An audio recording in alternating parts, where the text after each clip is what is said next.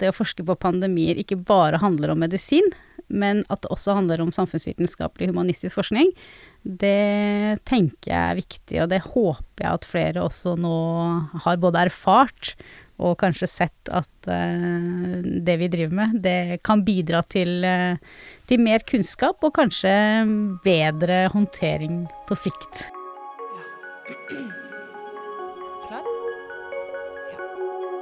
Du hører på Viten og snakkes, en podkast fra Oslo OsloMet.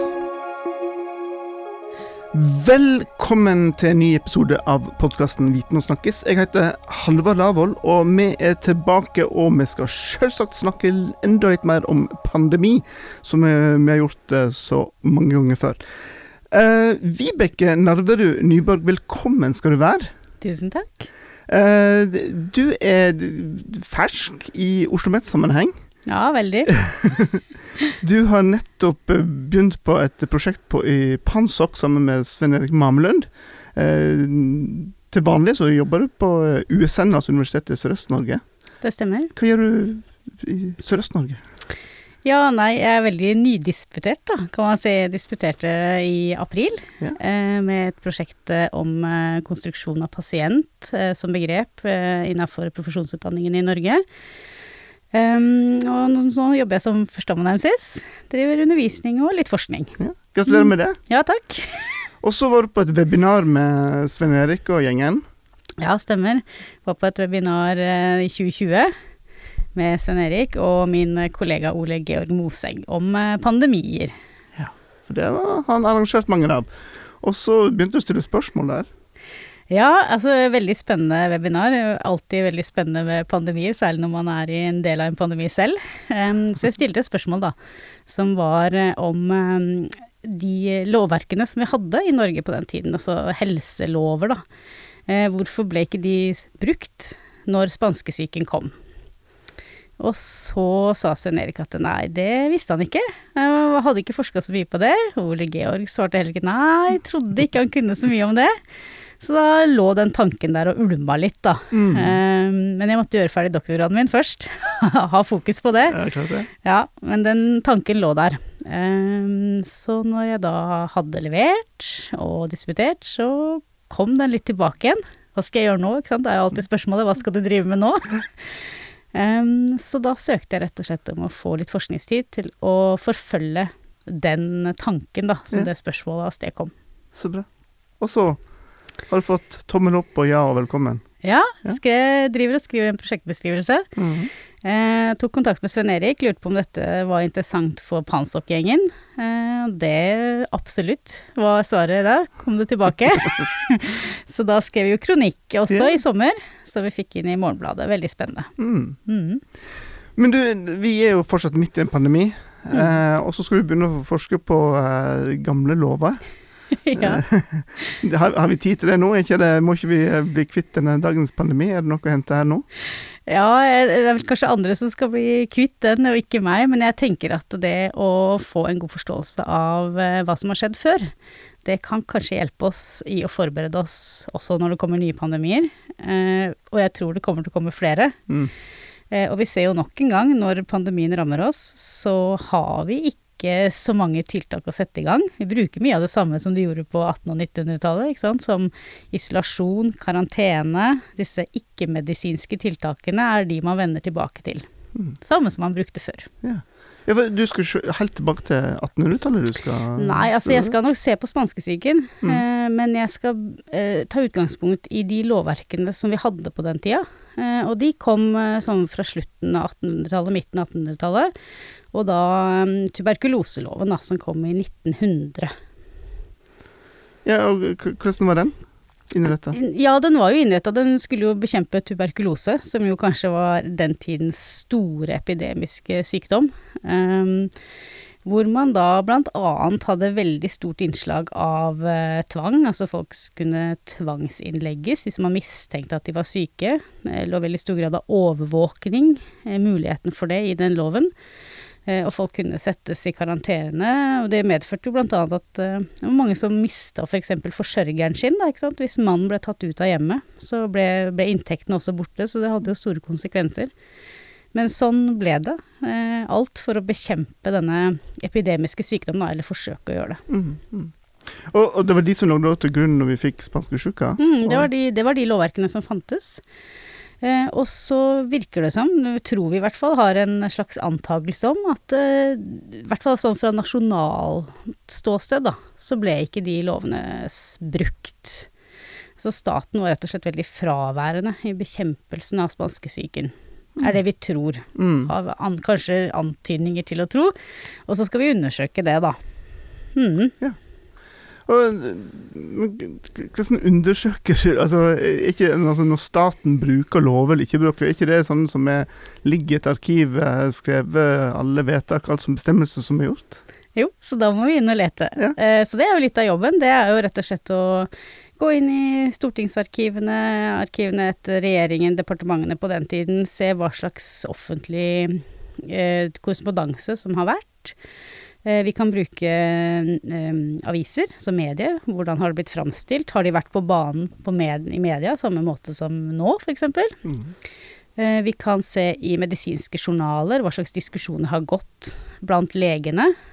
Og så har vi såkalte medisinalberetninger, som er sånn årlige rapporter som kommer fra alle amtene rundt omkring i Norge. Hvor de da er pålagt å skrive ned hva folk døde av, eh, hva slags sykdommer som fantes, hvordan sto det til med helsetilstanden i den norske befolkningen, rett og slett. Mm, mm. Så det er mange steder vi kan lete. Det høres spennende ut, da. Mye Ja, gravearbeid fremover nå. Hmm? Mye gravearbeid fremover nå, da. Mye gravearbeid, men det er jo vi som er historikere er glad i det. vi liker oss jo godt i arkivene. Ikke sant? Men eh, altså, en lov det, det å få på plass en lov er jo en, en langsom prosess eh, der, og så, så det er vel noe som bør være på plass før en pandemi treffer. Mm. Det er ikke noe en kan begynne å sysle med når pandemien har, har truffet. Absolutt, og det ser vi også nå med covid, ikke sant. Den såkalte smittevernloven og sånn. Den har fått en covid-forskrift, men vi begynner ikke å tulle med den under en pandemi. Og sånn var det jo da òg. Men det er litt derfor jeg ønsker å se på hvorfor brukte de ikke noe av de mulighetene som fantes. For det lå jo noen muligheter der. Eh, og vi hadde også det som vi kaller for eh, Norges eh, nasjonale helselov, altså sunnhetsloven. Den kom i 1860. Um, og den ble jo, virker det heller ikke som ble benytta i særlig grad, men der også lå det masse muligheter. Um, men det som også er spennende der, er at eh, der ligger det veldig sånn stor grad av lokalt selvråderett, altså muligheten til det. Og det er kanskje der vi også må se da om var det disse lokale helserådene, eller distriktslegene, som heller fikk ansvaret da under spanskesyken. Har du eksempel på sånne muligheter som lå der? Ja, eh, blant annet som jeg sa da, mulighet til å overvåke folk. Mm. Eh, gå inn og isolere folk. Si at du har fått sånn og sånn sykdom. Da må, vi, da må du liksom ut av familien for å hindre smitte. Eh, generelt så var man jo veldig opptatt av å hindre smitte på den tida. Det var mange epidemiske sykdommer. Så det å sikre en sunn befolkning var viktig.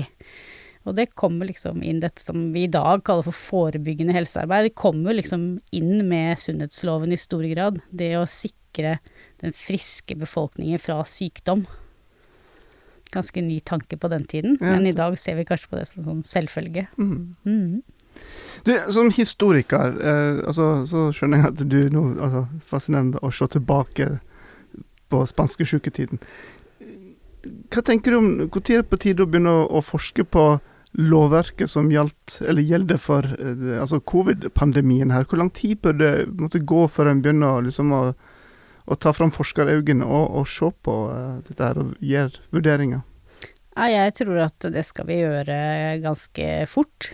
Eh, Men jeg håper jo og tror at den kunnskapen vi trekker med oss fra f.eks. spanskesyken, kan bidra til å se på også nåværende lov, kanskje med noen nye øyne.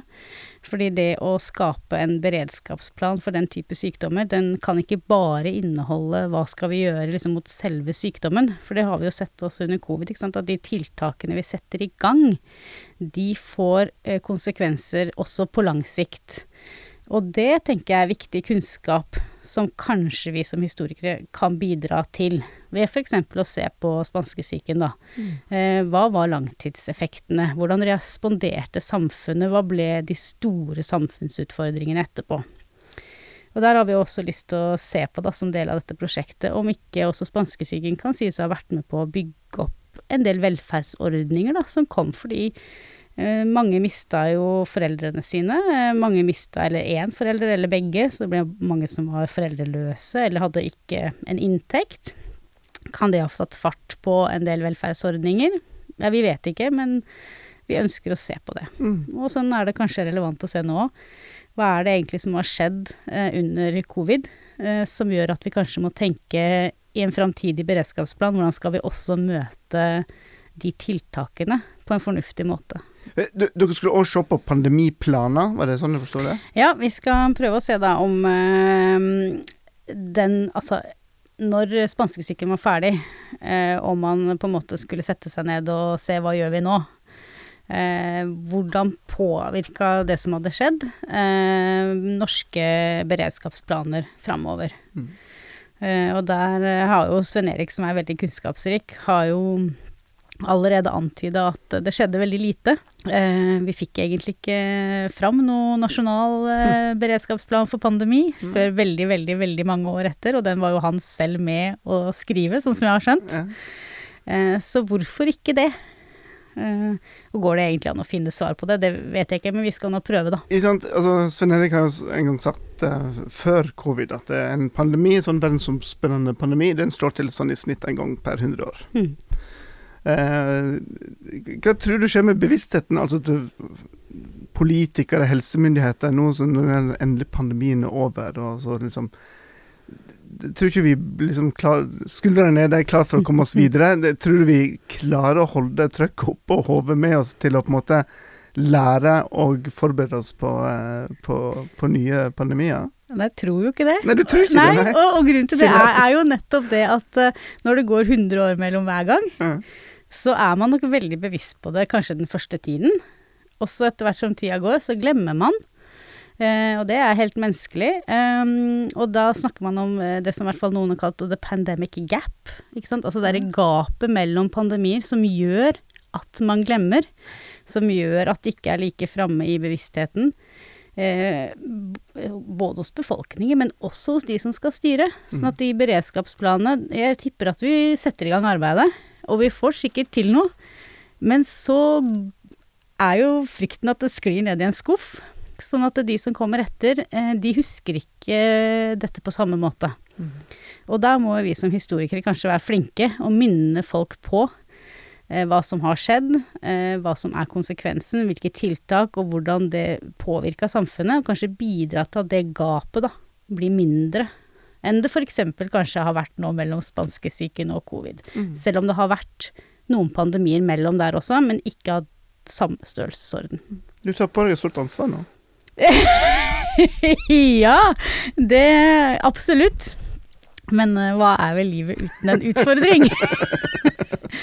Nei, men jeg har jo veldig stor tro på det. Jeg har veldig stor tro på det å f.eks. få flere samfunnsvitere, humanister, inn i arbeidet med den type planer. Det å på en måte bruke den kunnskapen og kompetansen vi har på flere arenaer, det tror jeg faktisk er ganske viktig. Sånn for å snakke stand litt opp, da. Når du setter i gang dette prosjektet, Nora, eh, hva er så, så tidslinje og horisont eh, har dere for et eh, sånt prosjekt? Ja, det er jo et stort prosjekt. Så jeg sa bare det å grave i arkivene vil jo ta tid. Eh, Men jeg håper at vi skal klare å få noen resultater sånn at det kommer litt sånn tikkende etter hvert. Eh, Jeg har, skal i utgangspunktet jobbe med dette her nå først et år. Jeg ser for meg at det nok kommer til å vare lenger. eh, Og jeg har lagd en plan som viser at vi kommer jo ikke til å være ferdig med dette egentlig kanskje aldri.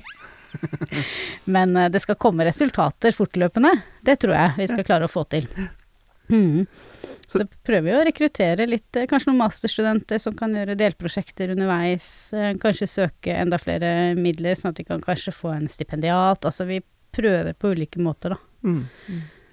Så da er det egentlig bare å følge med på, på Pansok. eh, For det, det er jo stadig vekk nye webinarer og, og, og kunnskapsdeling som skjer, skjer der. Ja, og Pansok har en kjempefin webinarrekke som jeg tenker alle som er litt sånn interessert i pandemi, enten covid eller, eller historiske pandemier, burde høre på. Det er sånn cirka en gang i måneden. Mm. Eh, veldig spennende. Masse eh, internasjonale forskere med ulike innfallsvinkler. Så det vil, jeg, det vil jeg reklamere for. Hvordan er det nå å være forsker på et tema som akkurat nå alle snakker om, og der du i tillegg har dette her med misinformasjon, konspirasjonsteorier, og eh, altså et helt vanvittig trøkk på, på, på alle element av pandemien. Mm. Hvordan er det å komme inn som forsker da, og skal forske og formidle denne kunnskapen når det er litt sånn ko-ko rundt oss uh, akkurat nå? Jeg tenker Som forsker så skal vi alltid være ganske ydmyke overfor eh, den kunnskapen vi formidler. Eh, tydelig på hva det er vi gjør, hva det er vi kan svare på, og hva det ikke er vi kan svare på, for det er jo ikke alle ting. Eh, og så tenker jeg at eh, det viktigste for oss er nok kanskje å være sånn transparente i det vi driver med. Og bidra til en opplyst debatt. Så bidra der vi kan. Det er vel kanskje det viktigste vi kan gjøre. Jeg er usikker på om vi kan få bukt med alle konspirasjonsteorier, det tror jeg ikke, men jeg tror vi skal holde fokus der vi kan holde fokus. Mm. Men har du, og, og dere får svare fra alle forskerne, eh, et ansvar for å gå inn og prøve å, også, å påpeke feil? Altså å, å, å forklare nærmere, eller er det bare å holde seg vekke fra kloakken? Jeg vet ikke om jeg skal svare for alle forskere, men jeg syns at vi har et samfunnsansvar med å komme ut med den kunnskapen vi finner. Eh, men hvordan den enkelte velger å gjøre det, det tenker jeg kanskje må være litt opp til hver enkelt. Jeg vet jo f.eks. at eh, sånn som Svein Erik har tidvis hatt en ganske sånn er det noen storm? Mm. Eh, og det er jo ikke alle som kanskje orker å stå i det. Eh, men samfunnsansvaret er jo ganske tydelig. Eh, vi, vi, må ut, og vi må publisere, og vi må formidle den kunnskapen vi, vi, finner. Men så er det kanskje litt opp til hver enkelt da, på hvilken måte man ønsker å gjøre det. Mm. Men er det blitt sånn at altså En ting er å formidle sine egne funn og, og det, men er du som forsker, blir du nødt òg til å forklare hele altså, metodikken? Altså, altså, hva det vil si å drive forskning på det? Altså, har du fått en tilleggsdimensjon som du òg må forklare nå? Ja, på noen arenaer så opplever jeg nok det. Um, jeg er så heldig jeg underviser i vitenskapsteori og vitenskapsfilosofi for masterstudentene våre. Uh, og det syns jeg har blitt kanskje enda mer interessant, fordi mm. vi har jo f.eks.